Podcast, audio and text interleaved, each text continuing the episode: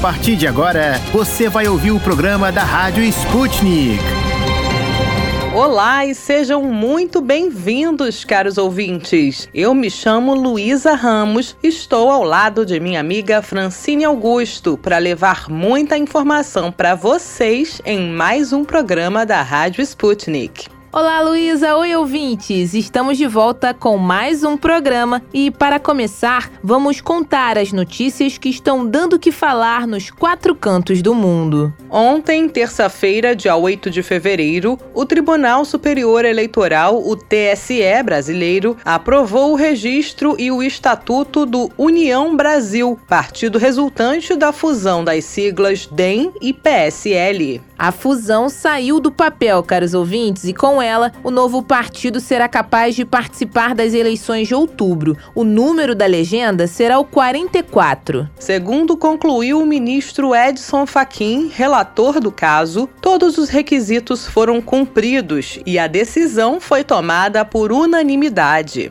A união das siglas resultou na maior bancada do Congresso, 81 deputados e 7 senadores, mas a maioria deles deverá deixar o partido em março. Além disso, o fundo partidário resultante da fusão dos democratas com o PSL corresponde a 147 milhões e meio de reais, a maior de qualquer sigla. O União Brasil receberá a maior parte do fundo eleitoral. E quem está recebendo recebendo apoio norte-americano, mesmo que seja temporário, é o gasoduto Nord Stream 2, ouvintes. Acreditam? Pois é, ouvintes, a administração Biden é contra a imposição de sanções imediatas ao recém-construído gasoduto Nord Stream 2 promovido pela Rússia. A oposição norte-americana às sanções imediatas foi comunicada pela secretária de imprensa da Casa Branca, Jen Psaki. De acordo com as palavras da secretária, aspas, diria que existe um certo desacordo entre nós e alguns congressistas que sugerem sugerem que sancionar o Nord Stream 2 agora seria eficaz. Nós não concordamos. Durante o briefing, a secretária de imprensa da Casa Branca ainda afirmou que, abre aspas, acreditamos que é um instrumento de influência e que deixar claro que não prosseguirá se a Rússia invadir é uma forma de expressão, fecha aspas, afirmando duvidar que a aplicação de sanções contra o gasoduto desse certo. O Partido Republicano mencionou a possibilidade de imposição de sanções contra o projeto no início de janeiro. A votação da medida ocorreu em 14 de janeiro, mas o Congresso rejeitou a iniciativa. Em visita a Washington na segunda-feira, dia 7, o chanceler alemão Olaf Scholz ressaltou a união da Alemanha e dos Estados Unidos no assunto do gasoduto, mas o nome do projeto não foi mencionado, tendo ele evitado respostas diretas sobre o Nord Stream 2. Da boca dos Estados Unidos só sai a Rússia, ouvintes. Seria essa uma forma de abafar outros passos norte-americanos no ringue mundial? Por exemplo, tirar os holofotes da venda de armas para Taiwan, que não agrada nada à China. E hoje, quarta-feira, dia 9, o ministro da Defesa da China, Wu Qian, declarou que a venda de armas a Taiwan pelos Estados Unidos constitui uma interferência aberta nos assuntos internos chineses. Vale lembrar que ontem, 8 de fevereiro, a administração americana autorizou a venda de equipamentos e serviços militares a Taiwan no valor de 100 milhões de dólares, incluindo a manutenção dos sistemas de mísseis antiaéreos Patriots, fabricados nos Estados Unidos. Segundo o comunicado emitido pelo ministro da Defesa chinês, aspas, as vendas de armas dos Estados Unidos a Taiwan violam gravemente o princípio da China única. Isso representa uma interferência flagrante nos assuntos internos chineses e mina a soberania e os interesses da segurança da. China. O ministro chinês acrescentou que as vendas de armas americanas a Taiwan, abre aspas, corroem as relações entre a China e os Estados Unidos, bem como entre as forças armadas dos dois países. Portanto, a China expressa sua forte indignação situação e se opõe firmemente a elas. Fecha aspas. Wu Qian ainda ressaltou que a China exorta os Estados Unidos a cancelarem de imediato o respectivo plano de venda de armas a Taiwan, acrescentando que o exército da China fará todos os esforços para defender a soberania da nação. A situação entre China e Estados Unidos, pelo visto, está longe da calmaria, ouvintes, mas, passando o tema para a Rússia, o representante permanente russo na Organização das Nações Unidas afirmou que seu país nunca anunciou planos hostis contra a Ucrânia. Vassili Nebenzia afirmou que, aspas, a Rússia não declarou em nenhum lugar, em nenhum nível oficial, primeiramente, quaisquer planos hostis em relação à Ucrânia, acrescentando ainda que o Ocidente está enviando para a Ucrânia grandes quantidades de armas ofensivas. E o envio de armas para a Ucrânia é uma violação dos acordos de Minsk, ouvintes. Por isso, o diplomata russo ainda deu um recado. Abre aspas. Vocês sabem que os parceiros ocidentais, ao violarem os acordos de Minsk, estão fornecendo armamento a Kiev e nada defensivo, mas ofensivo. Vocês sabem sobre a concentração das forças armadas ucranianas na linha de demarcação. Fecha aspas. Bem, esperamos que Rússia, OTAN e os Estados Unidos cheguem a um acordo vantajoso para todos os lados envolvidos. Enquanto mais novidades não surgem, que tal conferirmos o que preparamos para vocês no programa de hoje, ouvintes? E no programa de hoje. No Destrinchando a Charada Brasil, vamos falar da ausência de Jair Bolsonaro na posse de Gabriel Boric, presidente eleito no Chile.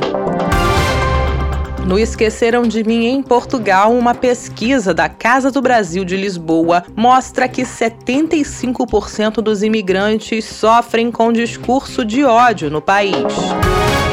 No Bombando no YouTube, falaremos sobre o contra-ataque de Israel na Síria com mísseis. Destrinchando a charada internacional, vamos debater sobre a venda crescente de passaportes falsos de alta qualidade que abre portas do Ocidente ao terrorismo. O Mistura do Brasil com Moscou vai dar uma dica de como se candidatar a uma bolsa de estudos na Rússia. Destrinchando a charada. De dentro e fora do Brasil política, economia, sociedade e tudo que engloba o maior país da América Latina. As charadas mais complicadas do Brasil são destrinchadas aqui. Estimados ouvintes, hoje no Destrinchando a Charada Brasil vamos falar da ausência de Jair Bolsonaro na posse de Gabriel Boric, presidente eleito no Chile. Isso mesmo, Luísa. E não é uma posse qualquer. O ex-líder estudantil da esquerda chilena, Gabriel Boric, foi o mais votado da história do país. Números históricos mesmo, Fran. Ao todo, 4,6 milhões de eleitores escolheram Boric, o presidente mais jovem do Chile nos séculos 20 e 21, com 35 anos. Boric venceu o candidato de direita José Antônio Cast no segundo turno. Mas antes mesmo da posse, logo após a vitória, foram trocadas farpas entre Gabriel, Bolsonaro e um dos filhos do presidente, o deputado Eduardo Bolsonaro, do PSL. Como sabemos, o presidente brasileiro foi o último dos presidentes dos principais países da América Latina a se pronunciar sobre a eleição no Chile. Em um pronunciamento pela internet, Bolsonaro disse que havia determinado ao Ministério das Relações Exteriores felicitar, abre aspas, o tal Boric, fecha aspas, após quatro dias de silêncio da disputa. Já Eduardo Bolsonaro compartilhou em uma rede social algumas informações relacionadas a Boric, entre elas comparando Boric aos presidentes venezuelanos Hugo Chávez e Nicolás Maduro. Na ocasião, o presidente do Chile respondeu que, abre aspas, não havia visto, mas vamos analisar depois. Não farei declarações destemperadas. Creio que em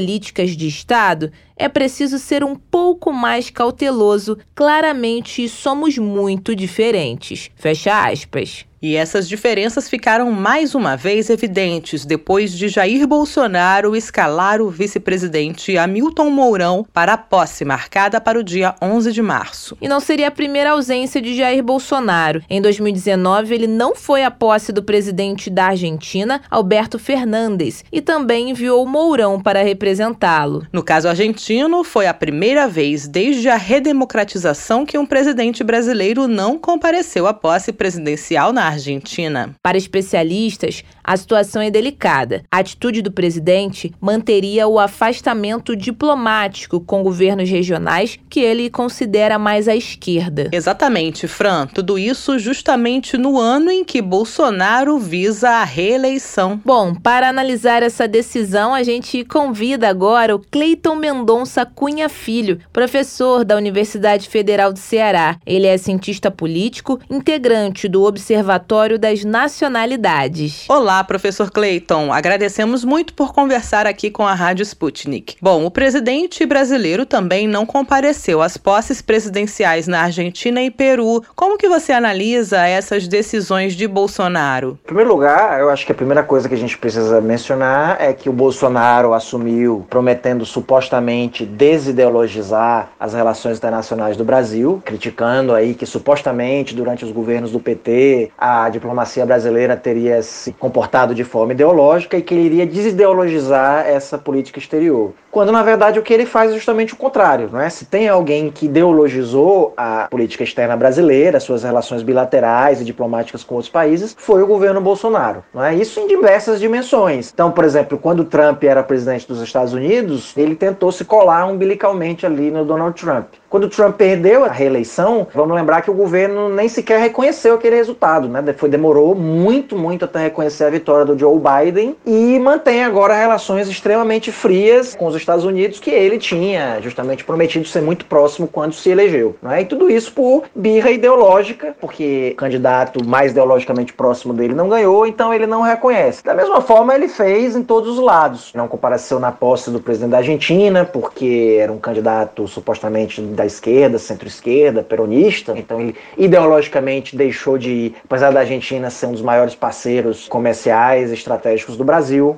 E agora mais essa com o Gabriel Boric. Então, não é nenhuma surpresa, primeiro de tudo. Surpreendente seria se o Bolsonaro dissesse que compareceria à posse do presidente chileno não sei se contribui para maior isolamento propriamente, mas certamente para manter o isolamento de qual ele já goza, no qual o Brasil se vê durante o seu governo. Isso é mais uma comprovação disso. Agora, sobre consequências reais para a popularidade do Bolsonaro internamente, eu acho que não vai fazer muita diferença, porque eu acho que de fato são poucas as pessoas no Brasil, proporcionalmente, que realmente se preocupam muito, que prestam muito atenção nessas questões questões de política internacional, né? E sobretudo coisas assim até mais simbólicas quanto a comparecer ou deixar de comparecer na posse de algum presidente. Então, nesse sentido, sim, ela comprova, não é, mais uma vez o quanto está ideologizada a política externa do Brasil sob o governo Bolsonaro, mais um indicador desse isolamento pelo qual o Brasil passa na região, mas eu não creio que isso vá ter maiores consequências internas, nem para aumentar a popularidade, nem também para diminuir essa popularidade. Aparentemente, os fatores que mais pesam mesmo internamente para essa queda de popularidade do Bolsonaro é fundamentalmente a situação econômica do Brasil, o desemprego, a inflação, esses temas relacionados a isso. Então, a questão de apoios internacionais, eu acho que acaba não influenciando muito. Este comportamento do chefe de Estado brasileiro amplia o isolamento do atual governo no cenário internacional? Internamente, isso pode ter consequências reais para a popularidade de Bolsonaro? Acho que a primeira coisa a ressaltar é que, de fato, Bolsonaro perdeu muita popularidade nos últimos dois anos, sobretudo, né? Mas mantém, ao mesmo tempo, uma aprovação muito forte ali no núcleo duro, que está oscilando aí entre 20% e 30% mais ou menos, segundo indicam as pesquisas, e que é um eleitorado que que parece que ele é muito fiel e que tem, de fato, essas mesmas preocupações hiperideologizadas que tem o Bolsonaro. Então, realmente, ele não comparecer a essa posse, alegando talvez que é um governo comunista e que, portanto, ele não vai porque o Brasil que quer acabar com o comunismo ou sei lá, qualquer desse tipo de balela e picuinha ideológica que ele adora fazer e que tem muito acolhida nesse público que ele é fiel, Pode ser que seja essa a estratégia realmente, como mais uma das outras de fidelizar esse público que, bem ou mal, lhe garante, também, segundo indicam as pesquisas, um lugar cativo no segundo turno das eleições desse ano, muito provavelmente contra o ex-presidente Lula. Então, não apenas na política externa, não é? Assim, eu não tenho como afirmar se é exatamente por isso ou não, mas parece fazer sentido, mas não só nela, né? Não só na política externa, se for por isso mesmo, é em várias outras questões até de política interna interna parece ser essa realmente o tipo de preocupação do Bolsonaro, né? Como na questão das vacinas. Já dois anos e pouco de pandemia, mais de 630 mil mortos e um governo ainda fica ali tentando sabotar a vacinação e evitar que as pessoas se vacinem, inventando mentiras e fake news com relação a, a tudo que pode atrapalhar ao máximo que podem esse processo de vacinação. Não é algo que parece assim irracional sob todos os aspectos, mas que muitas vezes parece ser por isso, né? Pela preocupação de manter aí esse público fiel aí de ultra-radicalistas de extrema direita, paranoicos da teoria da conspiração, fidelizados na sua base. Então, isso parece ter algum sentido, pode ser que seja por isso a decisão de não ir é, à posse. Mas, de qualquer forma, eu não acho que também, mesmo dentro dessa perspectiva, essa seja a maior das preocupações ali desse eleitorado, né? Até porque, por exemplo, é bom a gente lembrar, o Bolsonaro acabou recentemente, nessa semana que passou, de se encontrar com o atual presidente do Peru, que também é apontado como sendo de esquerda, de centro-esquerda, e a quem, quando venceu a eleição, ou seja, o Bolsonaro, como sempre, se meteu no meio da campanha, declarando quem que ele gostaria que fosse vitorioso, quem que ele não gostaria que fosse vitorioso, lamentou quando foi confirmada a vitória do Pedro Castilho,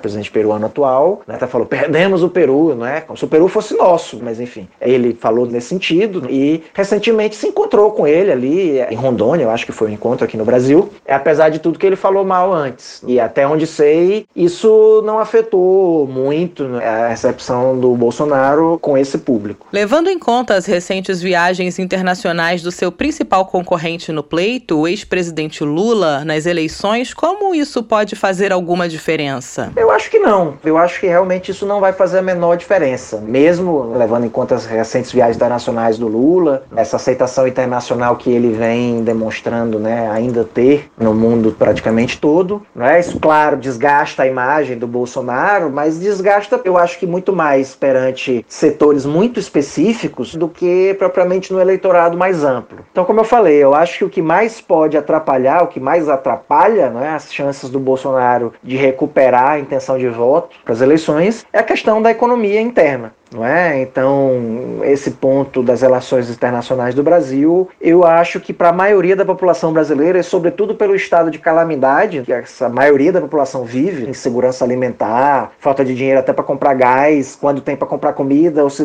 compra o gás, mas não compra comida, enfim, não é? inflação exorbitante. Esses são os calcanhares de Aquiles mais importantes aí dessa candidatura do Bolsonaro à reeleição, muito mais do que no seu isolamento internacional. O que esse essa questão do isolamento internacional eu acho que atrapalha, não é? Mas é como eu falei, nesses nichos mais importantes, não é? Talvez entre as elites nacionais, numa espécie de preocupação do que, que seria um segundo governo Bolsonaro, se no sentido de se já está ruim agora e mantendo, não é? E aumentando ainda mais esse isolamento, de que a situação poderia piorar e aí eles mesmo hipoteticamente sendo algo reativos ao nome do Lula como possibilidade eleitoral, mas vendo, né, o Lula Lula se comportando como estadista nessas viagens internacionais, e isso diminuir um pouco mais não é, a resistência que eles eventualmente ainda tenham ao Lula e deixarem, os que ainda apoiam o Bolsonaro, deixarem de apoiar essa candidatura. Então, isso não é tanto a questão do jogo do eleitorado, mas uma questão mais complexa, que é da aceitação ou não aceitação perante as elites nacionais. Professor, caso o Bolsonaro estivesse presente no dia 11 de março, os eleitores dele poderiam interpretar isso como um apoio à esquerda internacional?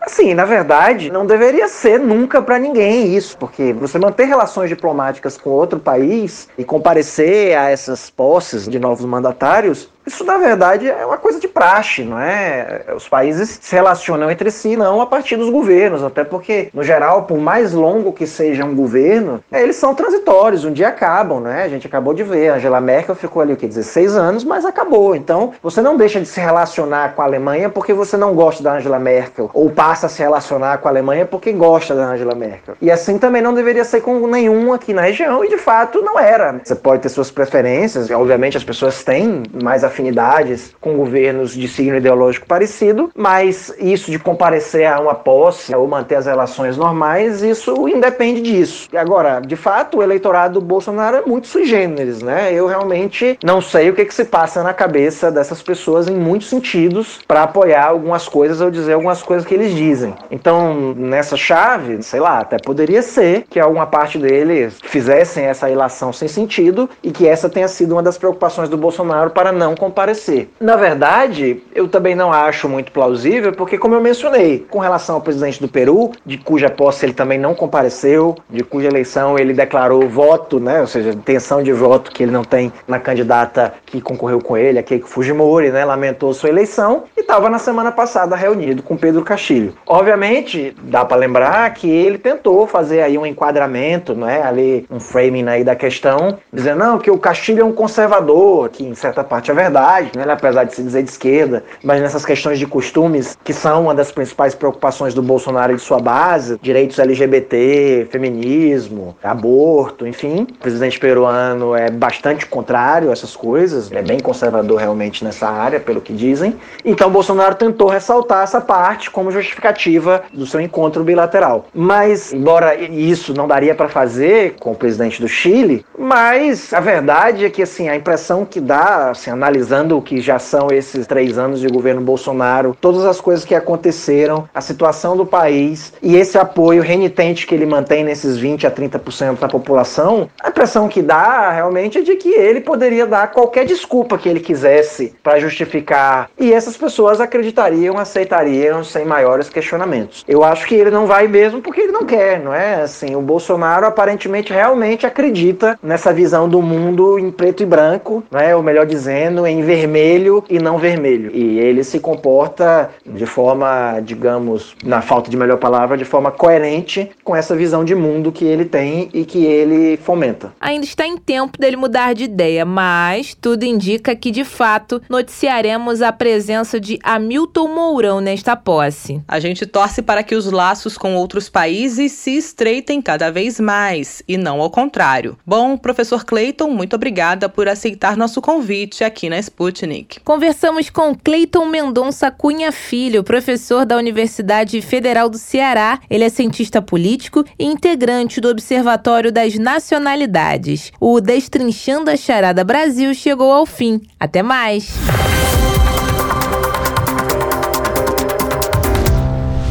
Esqueceram de mim em Portugal. Senhoras e senhores passageiros, apertem os cintos de segurança porque estamos prestes a decolar rumo a Portugal. A tripulação Sputnik Brasil deseja a todos uma ótima viagem.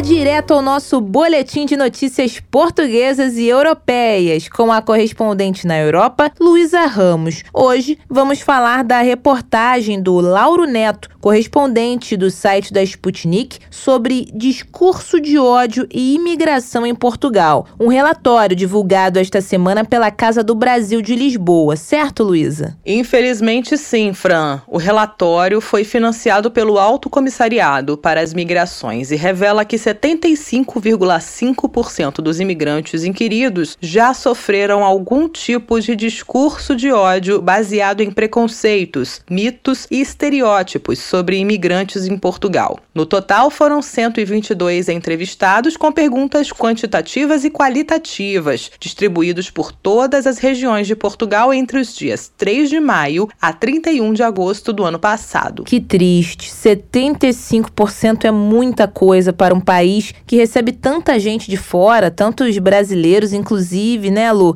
que são a maior comunidade imigrante do país. Onde esse discurso de ódio é mais observado, segundo a reportagem do Lauro Neto, baseada no relatório, Luísa? Na internet, principalmente nas redes sociais, Fran, onde o discurso de ódio contra imigrantes tem maior representatividade, com 32,4% das respostas. Nos serviços públicos são ouvidos 20,9% das ofensas e nas instituições de ensino, 19,6%. Lembrando que o Lauro Neto fez algumas reportagens recentes sobre crianças brasileiras e de outras nacionalidades que sofrem com preconceito por suas origens e sotaques em escolas portuguesas. Além dos brasileiros, houve participantes de outras nacionalidades nesta pesquisa da Casa Brasil em Lisboa. Foram entrevistados 66% de brasileiros, portugueses e luso-brasileiros, somam 20%, enquanto as nacionalidades argentina e italiana tiveram representação de 2,5% cada. Entre os tipos de discurso de ódio, 73,7% relataram ter sofrido algum episódio de xenofobia em Portugal. 9,5% disseram ter sido vítimas de ódio racial em simultâneo com xenofobia. 6,3%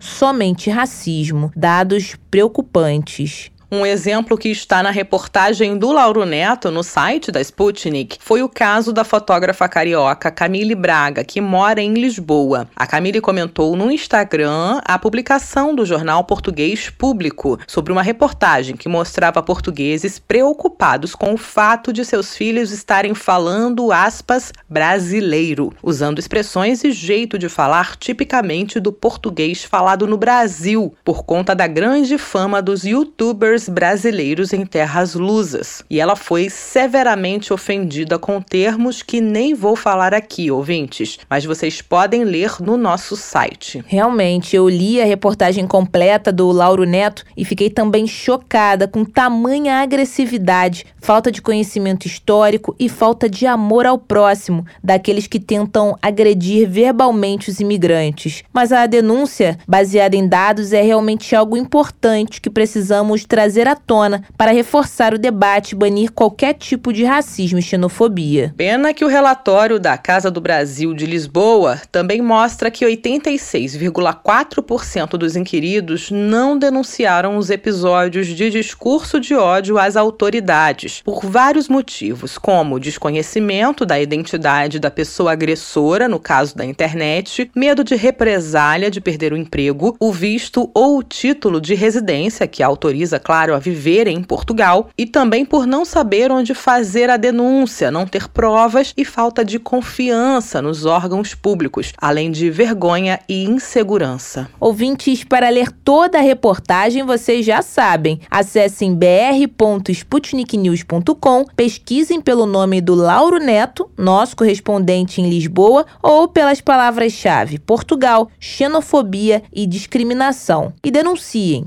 todo e qualquer discurso de ódio. Bombando no YouTube.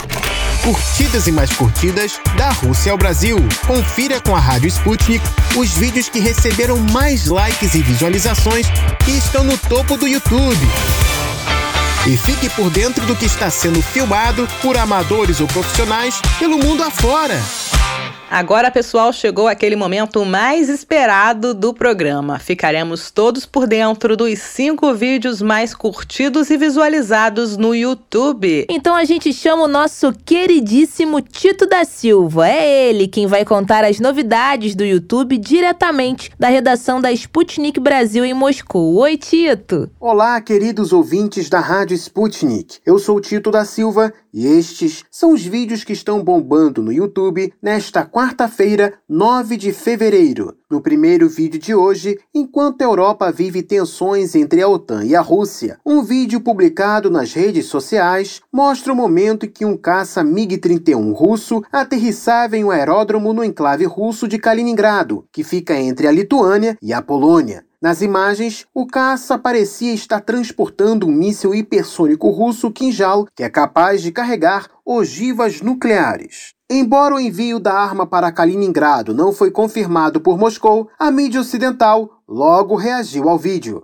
A revista Forbes ressaltou algumas características técnicas do armamento que o tornaria capaz de atingir várias capitais da Europa Ocidental entre 7 e 10 minutos. O armamento, que é relativamente novo no arsenal russo, não poderia ser neutralizado por nenhum sistema de defesa antiaérea existente no mundo de hoje. Para ver o vídeo do MiG-31 com o suposto míssil Kinjal, é só digitar no YouTube. Vídeo mostra MiG-31 russo levando possível míssil hipersônico para as fronteiras da OTAN. E no segundo vídeo de hoje, após relatar um ataque com míssil a partir do território da Síria, Israel iniciou um ataque contra o país vizinho, aparentemente com mísseis lançados tanto a partir das colinas de Golã como também do céu do Líbano. Reagindo ao ataque, sistemas de defesa antiaérea da Síria abateram alguns dos mísseis israelenses, segundo Damasco, ao passo que Tel Aviv afirma que atingiu alguns alvos no país árabe. Para ver o vídeo, é só digitar Defesa Aérea da Síria abate mísseis lançados por Israel. No terceiro vídeo de hoje, a Sputnik Brasil trouxe alguns dos eventos recentes que têm ocorrido em países africanos, em particular na República Centro-Africana e no Mali, que mostram a cada vez maior insatisfação de autoridades locais com a França. Contudo, ao que tudo parece, a Rússia tem crescido com seu prestígio na região, em particular ajudando por cooperação militar e venda de armas no combate ao radicalismo islâmico. Nas palavras de autoridades locais, a cooperação com a Rússia tem sido muito positiva e mais frutífera do que com outros países tradicionais potências estrangeiras na África, a exemplo a França. Se você gosta de geopolítica e está interessado no assunto, coloque assim no YouTube. Rússia está ocupando o lugar da França na África? No quarto vídeo de hoje, o presidente Joe Biden parece fazer algumas piadinhas sobre líderes mundiais com os quais tem conversa sobre a atual crise na Ucrânia. De acordo com o canal de TV dos Estados Unidos, o presidente, a portas fechadas, acha que o premier britânico Boris Johnson é uma pessoa com caráter tempestuoso e o premier alemão Olaf Scholz alguém bem diferente de Angela Merkel. O que será que Biden deve ter falado de Putin? De qualquer forma, o governo norte-americano taxou de fofocas os relatos das piadas do presidente. Será que o Biden fez as piadinhas mesmo? Para saber mais, é só digitar. Biden fez piadas sobre Putin, Macron, Johnson em reuniões privadas, diz canal de TV americano. E no quinto vídeo de hoje, você já se perguntou como funciona a leitura de um código de barras? Pois é, o canal Ciência Todo Dia explicou em um shorts como funciona tal tecnologia. A explicação durou somente 59 segundos e com certeza vai dar uma clareada na sua cabeça para saber como aquele monte de barrinhas são, na verdade, números escondidos. E por hoje é tudo, pessoal. Até mais! Francine, sobre esses ataques com mísseis, as imagens são realmente impressionantes. As forças de defesa de Israel confirmaram que atingiram locais da defesa aérea síria em resposta ao míssil antiaéreo que voou para o espaço aéreo israelense. Inclusive, Lu, um correspondente da Sputnik em Damasco, na Síria, confirmou o relato de explosões sobre a cidade na manhã desta quarta-feira. A emissora estatal síria, por sua vez, disse que o país abateu vários mísseis da agressão israelense, embora não tenha apresentado nenhum número. Muito triste essa situação, Lu.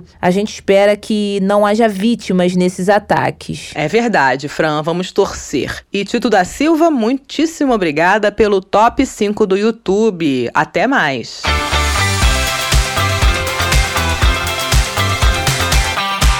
Destrinchando a Charada. Encruzilhada Internacional. Relações políticas, socioeconômicas e muito mais entre as nações deste mundão da Rússia aos Estados Unidos. Encontre com a gente as respostas às perguntas do momento. Hoje, na pauta internacional, vamos comentar sobre uma investigação do jornal britânico The Guardian, caros ouvintes, que aponta para uma crescente indústria dos passaportes falsos e a consequente facilitação no acesso de membros do Daesh, organização terrorista proibida na Rússia e em outros países, à Europa. As vendas acontecem principalmente na internet e acabam abrindo portas para países ocidentais em geral de forma desregulada. O Diário Britânico relata que, com a venda ilegal, pessoas com ligações à organização terrorista acabam tendo a oportunidade de deixarem a Síria e viajarem para Reino Unido, União Europeia, Canadá e Estados Unidos. Mas, segundo o Jornal da União Europeia, surge como o destino mais procurado. Os valores podem variar de 5 a 6 mil dólares, algo entre 26 a 32 mil reais. Passaportes da Ucrânia ou da Moldávia Moldávia que permitem viajar sem visto para a União Europeia são opções mais caras, assim como o próprio passaporte da União Europeia, solicitado em especial por cidadãos ocidentais ou árabes fluentes em francês. No artigo do jornal britânico foi revelado o esquema de obtenção do documento falsificado à perfeição pelos criminosos que compram passaportes reais de cidadãos da União Europeia na Turquia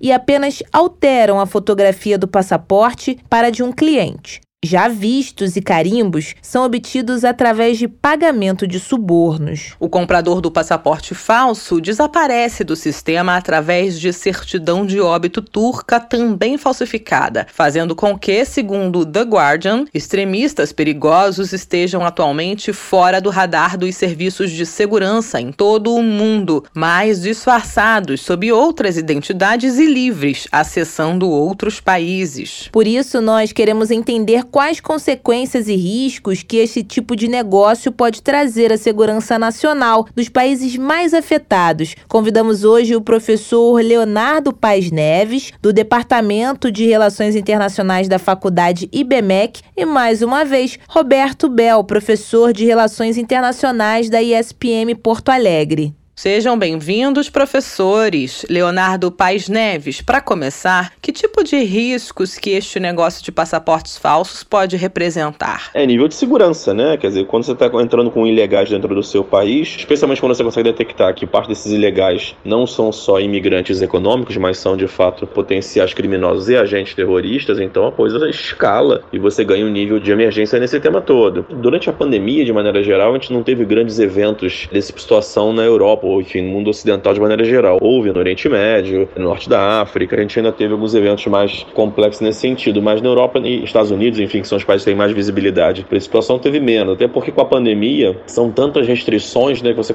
diminui muito a movimentação de pessoas e isso acaba dificultando, obviamente, o trabalho de, enfim, agentes terroristas, enfim, quererem promover algum atentado nos países. Na medida que o relaxamento, as restrições forem avançando, é possível que a gente comece a ver mais para frente novos casos casos ou, enfim, novas possibilidades. Na atual conjuntura, a União Europeia trata o tema em qual nível, Leonardo? Quais tecnologias são usadas para combater e evitar acesso de combatentes terroristas do Daesh, organização terrorista proibida na Rússia e em outros países no momento? Isso é um problema que não é de hoje, isso é um problema muito antigo. Na realidade, é um problema que ele vem em ondas. Né? Na medida que você tem os países do mundo inteiro, incluindo novas tecnologias para limitar a falsificação, você vai ter os falsificadores correndo atrás disso, né? Então você cada vez mais tem fitas holográficas, você tem papel com marca d'água, você tem elementos sensíveis à luz roxa, né? À luz negra, enfim. E isso vai crescendo. Mais recentemente, me parece, mas aí poucos países têm de fato esse equipamento, é a biometria, né? Que é você os olhos e a digital. Então é porque houve um salto e descobriram alguém que está vendendo passaportes de muito boa qualidade, né? Que aparentemente não se tinha percebido um grupo de, enfim, falsificadores tão bons nesse sentido sentido, mas é um tema que a gente já viu no passado, né? Que era quando o Estado Islâmico ele foi tomando boa parte do Iraque, ele roubou tudo do governo, né? roubou desde o ouro do Banco Central até material para passaporte iraquiano. Eles conseguiam fazer vários passaportes falsificados com muito mais qualidade. Então não é um problema novo, só que você tem saltos de tecnologia tanto do lado para prevenir quanto do lado para poder falsificar. Hoje a gente está percebendo que o pessoal que está falsificando conseguiu dar um salto. Os europeus agora de maneira geral, o mundo inteiro, né, vai precisar avançar cada vez mais nas tecnologias de protetivas para esse tipo de situação. Ao mesmo tempo, muitas pessoas recorrem ao passaporte falso para fugir de guerras e transtornos em seus países de origem, como por exemplo afegãos em busca de asilo em países ocidentais desde que os talibãs assumiram o poder no Afeganistão no ano passado. O que, que podemos avaliar sobre isto? Estas pessoas podem ser as mais prejudicadas no contexto, professor? Sem dúvida, né? Quando você tem um, um refugiado, né, que enfim, não reconhecido como refugiado, porque se tem uma pessoa que é refugiada, ela chega no país, ela mal precisa do passaporte, né? Quer dizer, se ela conseguir se identificar como tal e o país ele estiver aberto a receber refugiados, facilita. Outros documentos resolveriam isso. Nesse caso, se você tem um indivíduo que ele tem legítima preocupação com a sua vida e foge do seu país em função da guerra e não tem nenhum objetivo de engajar em uma luta armada, se ele tenta fugir por um país, ele já vai chegar como ilegal. Então isso de qualquer modo já o colocaria numa situação muito vulnerável, né? Talvez se você fosse de um país não muito visado, enfim, você talvez não tivesse um escrutínio muito forte na hora de, enfim, ver a sua chegada e a verificação dos seus documentos. Essas pessoas agora, provavelmente de áreas mais afetadas, vão eventualmente sofrer maior escrutínio. Então, quer dizer, isso vai acabar limitando o refúgio ilegal, né? Porque, de novo, o refugiado, ele tem, se o país ele está aberto ao refugiado, ele tem um status reconhecido pela ONU, enfim, com direitos e tudo mais. Então, isso vai dificultar naturalmente aqueles que são migrantes ilegais, sejam refugiados ou não. Outras regiões como o Reino Unido, Canadá e Estados Unidos também aparecem na investigação do Diário Britânico. Nestes outros países, quais os fatores mais preocupantes sobre o acesso de terroristas do Daesh, organização terrorista proibida na Rússia e em outros países? Bom, o fator mais preocupante é a possibilidade de novo atentado, né? Quer dizer, seja países como o Canadá, que podem ser, ou México, que são poderiam ser considerados trânsito para entrar nos Estados Unidos, a percepção de que você tem grupos notoriamente terroristas, notoriamente violentos, que já promoveram grandes atentados em diversos países, conseguem acessar agora com mais facilidade o seu país em função de ter avançado na tecnologia de falsificação de passaporte, você passa a se preocupar cada vez mais com essa possibilidade. Aí, de novo, esses países vão ter que incrementar tanto a, a segurança de seus passaportes como a verificação do passaporte dos outros, né, dos outros países. Afinal, você vai ter, por exemplo, é um passaporte, suponho, brasileiro entrando no Canadá falsificado. Então não adianta só você ter um passaporte canadense mais é, eficiente. Quer dizer, o governo do Canadá vai ter que ter novos métodos também de verificar outros tipos de passaporte. Então, quer dizer, eu acho que o salto da verificação de biometria deve ganhar muita força agora em vários países em função disso. Obrigada, professor Leonardo Paes Neves, do Departamento de Relações Internacionais da Faculdade IBMEC. Agora vamos direcionar questões ao Roberto Webel, professor de Relações Internacionais da ESPM de Porto Alegre. Roberto, no caso da União Europeia, a facilidade de acesso para quem detém passaporte europeu pode ser considerada um problema na sua visão? Se você tem passaporte europeu e entra na União Europeia, você passa por um guichê automático, independentemente se você nasceu na União Europeia ou não, desde que você tenha aquele documento. Então, isso pode trazer uma série de consequências muito perigosas, eu diria, porque você perde o controle das pessoas que estão ingressando naquele território ou não. Não que eu seja partidário, por exemplo, da política do Frontex, da qual há uma clara xenofobia estatal por parte da Agência de Controle de Fronteiras da União Europeia. Faz uma discriminação de pessoas que vêm do, fora do continente europeu, como da América Latina, do continente africano, do Oriente Médio, enfim, e qualquer pessoa que vem dessas regiões é considerada um potencial imigrante irregular ou, neste caso, terrorista. Então, isso traz consequências muito piores, porque vai aumentar ainda mais a rigidez do controle migratório fronteiriço europeu para com pessoas que são inocentes. É aquela questão, né? Sempre o inocente paga mais caro. Além de que traz uma questão importante, é a preocupação securitária. Afinal, todas as pessoas que estão entrando na União Europeia com passaporte europeu possuem documento válido,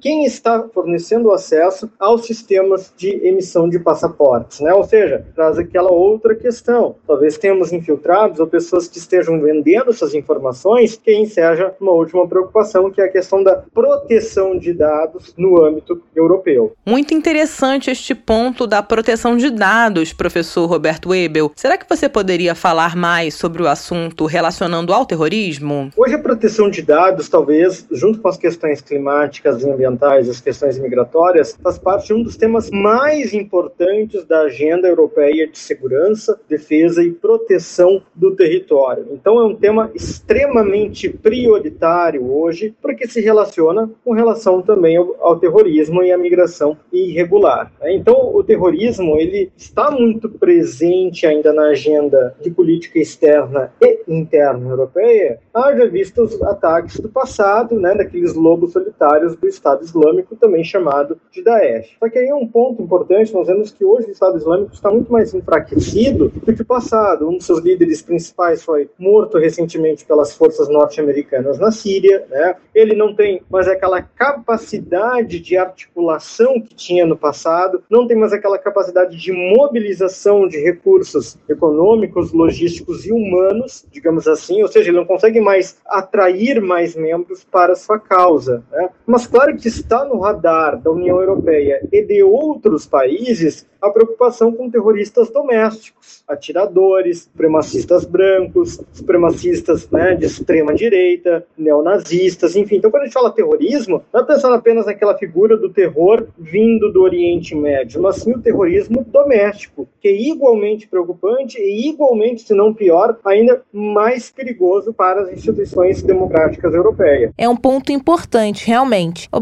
Por trazer aqui no debate, Welbel, outras regiões como Reino Unido, Canadá e Estados Unidos também aparecem na investigação do Diário Britânico. Você concorda que nesses outros países há grande preocupação, como há na Europa, com relação ao acesso de terroristas? Eu diria que o Canadá talvez não tenha uma preocupação tão grande com esse vazamento de dados, possam gerar né, passaportes falsificados, documentos falsificados por membros do Estado Islâmico. Mas sim, Reino Unido Estados Unidos têm o um histórico de ataques anteriores globos solitários do ISIS, né? Então eu acho que isso é importante que esses países tenham no radar também uma preocupação muito com a cybergeopolítica. Eu acho que esse é o ponto central dessa discussão de terrorismo digital, é o conceito de cybergeopolítica, é um conceito muito recente na geopolítica que trata de ameaças à soberania, ao território, à economia, à população de um país, não mais de maneira física, como os atentados de 11 de setembro de 2001, mas em um ambiente virtual, ou que utilize de um ambiente virtual para cometer atentados né, e ataques às instituições desses países. Então, tanto o Reino Unido como os Estados Unidos têm hoje forças especiais, eu diria verdadeiros exércitos digitais preocupados com essas ameaças e vulnerabilidades. Cybergeopolítica é realmente uma questão bastante atual. Em Portugal, por exemplo, segundo informações do Jornal de Notícias, o país está há cerca de três meses, desde dezembro, sob ataque de hackers estrangeiros que visam sabotar os sistemas sistemas de informação para destruir dados. Vez ou outra, noticiamos por aqui ataques a órgãos governamentais de diversos países. O tema terrorismo ainda é muito recorrente na Europa. Como que a União Europeia poderia se precaver sobre o tema de forma eficaz para evitar essas preocupações crescentes levantadas pelo jornal britânico The Guardian? Nós temos que ver que o terrorismo contra as instituições europeias, ele também, em certa medida, é uma resposta conforme a história das relações internacionais nos ensina, a ação dos europeus nos países de origem desses grupos terroristas, notadamente no norte da África e do Oriente Médio. Então, sempre quando eu falo em sala de aula, nas aulas de geopolítica, sobre o terrorismo, nós temos que lembrar que muitas organizações terroristas surgiram com uma identificação em movimentos anticolonialistas, movimentos anti-presença de potências externas em seus países. Né? Não que o colonialismo justifique o terrorismo, mas sim que o terrorismo e seus movimentos, organismos, nasceram, em grande parte, oriundos de movimentos anticolonialistas, anti-metrópoles, né? anti-potências externas em seus países. Boko Haram, na Nigéria, por exemplo, as próprias pautas da Al-Qaeda, que foi acolhida pelo Talibã, que é um movimento anti-imperialista, anticolonialista. Eu diria que a União Europeia, eu acho que o primeiro ponto é olhar para suas ações no plano internacional. Segundo, olhar para seus planos e programas de acolhimento de refugiados. Em terceiro lugar, na sua política de relação com os países onde hoje há células terroristas, como a Síria, o Afeganistão, o Paquistão, a Somália, a Nigéria, o Sudão, o Sudão do Sul, ou seja, promover financiamentos, projetos de cooperação, enfim, com estes estados, a fim de se criarem instituições democráticas, claro que no molde democrático daqueles países, não tentar enlatar uma democracia, exportar uma democracia enlatada europeia para esses países, mas promover instituições sólidas, sérias, democráticas, que permitam o desenvolvimento. Isso é um trabalho, eu diria, de gerações até que você consiga coibir, né, diminuir o terrorismo. Infelizmente, o terrorismo ele é um tema das relações internacionais que talvez nunca vai deixar de existir, porque ele sempre esteve presente na história das relações internacionais, o terrorismo de Estado, o terror como mecanismo político, né? Isso a gente vai remontar desde os clássicos da ciência política até os dias de hoje. Falamos hoje com Leonardo Paz Neves, professor do Departamento de Relações Internacionais da Faculdade IBMEC e mais uma vez Roberto Webel, professor de Relações Internacionais da ESPM Porto Alegre. Nós por aqui agradecemos muito pelas análises e opiniões super interessantes na temática de hoje. Até uma próxima!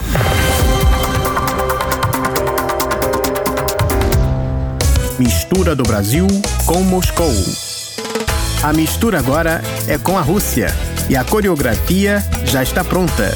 Com os gingados russos e brasileiros, as relações estão em sintonia entre estes dois gigantes. Bom, pessoal, vamos agora bater um papo com a fluminense Pamela Matos sobre a vida dela na Rússia e como conseguir uma bolsa de estudos para ir para lá, caros ouvintes. Pamela, tudo bem? Quantos anos você tem e de que cidade do estado do Rio de Janeiro você é? Olá a todos da Rádio Sputnik, meu nome é Pamela Matos, eu tenho 30 anos, nasci lá em Niterói, mas fui criada em São Gonçalo, no Rio de Janeiro. Direto de São Gonçalo para a Rússia. Isso aí, Pamela. Conta pra gente, quando você chegou à Rússia, em que cidade você estava morando e o que, que você foi fazer lá? Cheguei aqui em Kazan no dia 22 de novembro de 2021, no ano passado. Eu vim aqui para estudar, eu consegui uma bolsa de estudos fornecida pelo governo da Rússia. Atualmente eu estou na faculdade preparatória e assim que terminar, né, em setembro desse ano, eu entro em engenharia aeronáutica. Nossa, que bacana, Pamela. Uma futura engenheira aeronáutica, acho chique. Bom, pessoal, como a Pamela falou, ela ainda está fazendo o curso preparatório, que é onde os estudantes brasileiros aprendem um pouquinho de russo antes de dar início a uma graduação, mestrado ou doutorado. Ah, então quer dizer que as universidades russas disponibilizam esses cursos para os estudantes estrangeiros? Sim, e dura um ano. Por exemplo, no caso da Pamela, que foi fazer engenharia aeronáutica, o curso preparatório começa só com aulas de russo e depois é que vão entrando outras disciplinas, como matemática, física e informática. Mas as disciplinas não param por aí, ouvintes. Tem até uma que ensina a terminologia que é usada no curso do estudante estrangeiro. Pamela contou para o Pablo que ainda está tendo só aulas de russo, mas que em março as outras disciplinas vão começar. Ah, interessante. E Pamela, essa é a sua primeira vez na Rússia e fora do Brasil, né? Você pode contar pra gente como é que foi essa viagem? Foi uma viagem bem longa. Eu saí do Brasil no dia 19 de novembro e cheguei aqui no dia 22 pela manhã, mais de 30 horas de voo. Tive uma pequena parada de 4 horas em Amsterdã, que foi só para poder lanchar mesmo, esperar outro voo. Depois em Moscou, que foram 10 horas. Aí eu aproveitei, dormi num hotel cápsula, aproveitei para tomar banho também, porque tava mais de 24 horas sem tomar banho. Foi uma experiência muito da hora, muito inovadora dormir num hotel cápsula. Pablo contou que hotéis cápsula estão em alta em Moscou, que dá para achar esse serviço em vários aeroportos da capital russa e até mesmo espalhados pela cidade. Eu nunca fiquei em um hotel cápsula, mas eu tenho vontade. Pamela, voltando agora para o aeroporto, você já sabia que iria receber o cartão de imigração quando fosse entrar na Rússia? Uma vez o Pablo me contou que o cartão de imigração, que é um papelzinho dado no momento da entrada na Rússia, é um documento importantíssimo. Verdade, Pamela? Sim, eu sabia um pouco da importância desse papel, eu só não sabia como ele era. O meu professor de russo no Brasil, na época, ele sempre falou para mim sobre a importância desse documento, mas quando eu recebi ele em Moscou, eu tava muito nervosa com vários cartões de embarque dos voos anteriores, despacho de mala, um monte de papel. Eu acabei quase perdendo ele e fiquei muito nervosa. Nossa, ia ser um desastre. Ufa, mas deu certo, Pamela. Você não perdeu o papelzinho, hein? Mas diz uma coisa aí pra gente. Quão importante o cartão de imigração é para um estrangeiro que vive na Rússia? O cartão migratório, junto com o seu passaporte, ele é o, o documento mais importante que você tem aqui na Rússia, que prova que você está aqui no país de forma legal, né? Ele marca a data, sua data de entrada e tudo mais. Então você tem que andar sempre junto com esses dois documentos, com o seu cartão migratório e com o seu passaporte certinho. Para todo e qualquer lugar que você for, tem que levar tanto o cartão migratório quanto o passaporte. Não é querendo fazer medo para você não, viu, Pamela? Mas o nosso amigo Pablo Rodrigues uma vez me contou que um amigo dele brasileiro foi parado pela polícia sem o cartão de imigração e por isso teve que ficar no posto da polícia por horas até que um outro amigo conseguisse levar para ele o papelzinho. Mas esse amigo do Pablo estava com passaporte? Ele estava sim, e no passaporte estava colado o visto que comprovava que o menino vivia legalmente em Moscou, mas mesmo assim ele acabou na delegacia. Bem, pelo menos só por umas horas. Pamela, me diz uma coisa. Antes de vir para Kazan, você se preparou de alguma forma? Estudou russo? Viu vídeos na internet? Ou fez outras coisas? Lá em 2017, mais ou menos, eu tentei estudar russo sozinha pela internet, mas eu não passei muito ali do alfabeto. Acho que eu não cheguei nem a completar o alfabeto e aprendi pouquíssimas palavras. Em agosto de 2020, que foi quando eu realmente decidi bater o martelo dizendo que eu ia vir para a Rússia,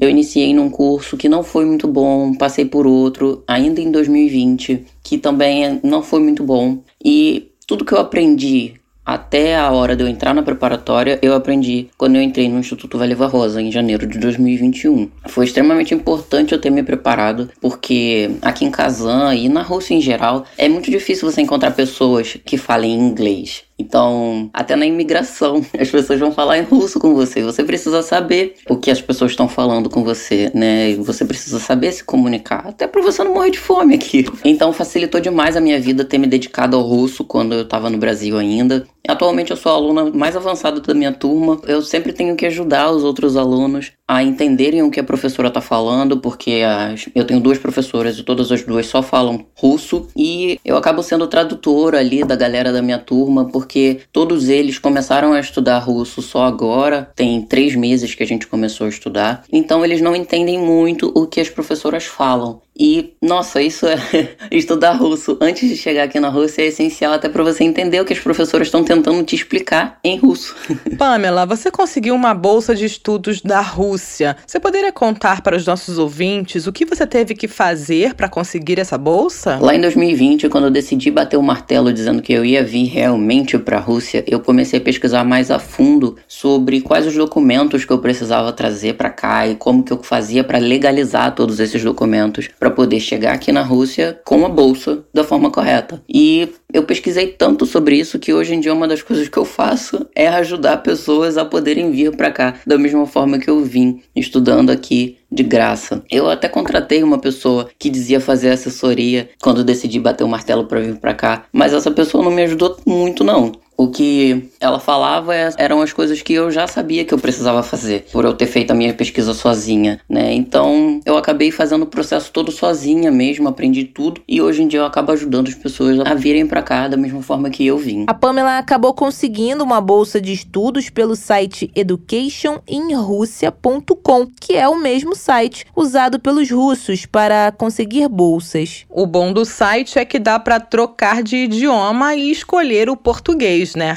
Então fica um pouco mais fácil entender o que que tem que fazer e os documentos que são necessários reunir para tentar uma bolsa de estudos na Rússia. E dá para tentar em várias universidades de uma só vez, verdade, Pamela? O site da bolsa de estudos, ele permite que você escolha um curso em até seis universidades diferentes com esse mesmo curso. Todas essas universidades têm que estar em cidades diferentes. E aí, após a análise dos seus documentos e passar da etapa aqui do Brasil, os seus documentos são analisados pelo Ministério da Educação, já traduzidos, e eles são distribuídos para todas as universidades que você escolheu, na ordem que você escolheu. E eu tive uma honra de passar para minha primeira opção, que era o Instituto de Aviação de Kazan, a CAI. E eu vim para cá para estudar engenharia aeronáutica. Pamela, desejamos todo o sucesso do mundo para você. Continue se esforçando em seu curso preparatório e ajudando, claro, seus colegas de classe. Essa Fluminense está arrasando em Kazan. O Pablo Rodrigues contou que o nível nível de russo de Pamela já é muito bom e que ela não tem vergonha de falar russo, não. Pamela grava vídeo praticando o idioma, contando sobre os fatos do Brasil em russo, ou seja, daqui para frente vai só melhorar. Batemos um papo com Pamela Matos, que está estudando russo em Kazan para entrar no curso de engenharia aeronáutica. Um abraço, Pamela.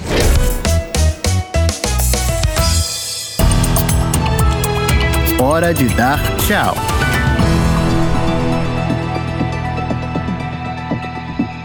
Ouvintes, o programa desta quarta-feira, 9 de fevereiro, está chegando ao fim. A boa notícia, Fran, é que quem quiser continuar ligadinho em toda a nossa programação, basta dar uma passadinha no site da Sputnik Brasil, br.sputniknews.com e conferir as notícias do momento. Isso mesmo, Lu. Lembrando que temos também nosso canal da Sputnik Brasil no YouTube. Imperdível. Lá tem os vídeos super atuais do que está sendo discutido tanto no Brasil como no resto do mundo. Fique ligado também nas informações sempre atualizadas no Twitter e Telegram da Sputnik Brasil. É isso, estimados ouvintes. Nós vamos ficando por aqui e aguardamos vocês para o nosso próximo encontro amanhã, sem falta, hein? Um grande abraço. O programa da Rádio Sputnik teve apresentação, produção e edição de texto de Francine Augusto e Luísa Ramos, produção de conteúdo e edição de texto de Tito da Silva e Pablo Rodrigues. A edição e a montagem do programa são de Wellington Vieira e David Costa. A produção geral do Rio de Janeiro é do Everton Maia e da Angélica Fontela. E o editor-chefe da redação da Sputnik Brasil no Rio de Janeiro é Renan Lúcio. Em Moscou, Konstantin Kuznetsov. Você acabou de ouvir mais um programa da Rádio Sputnik.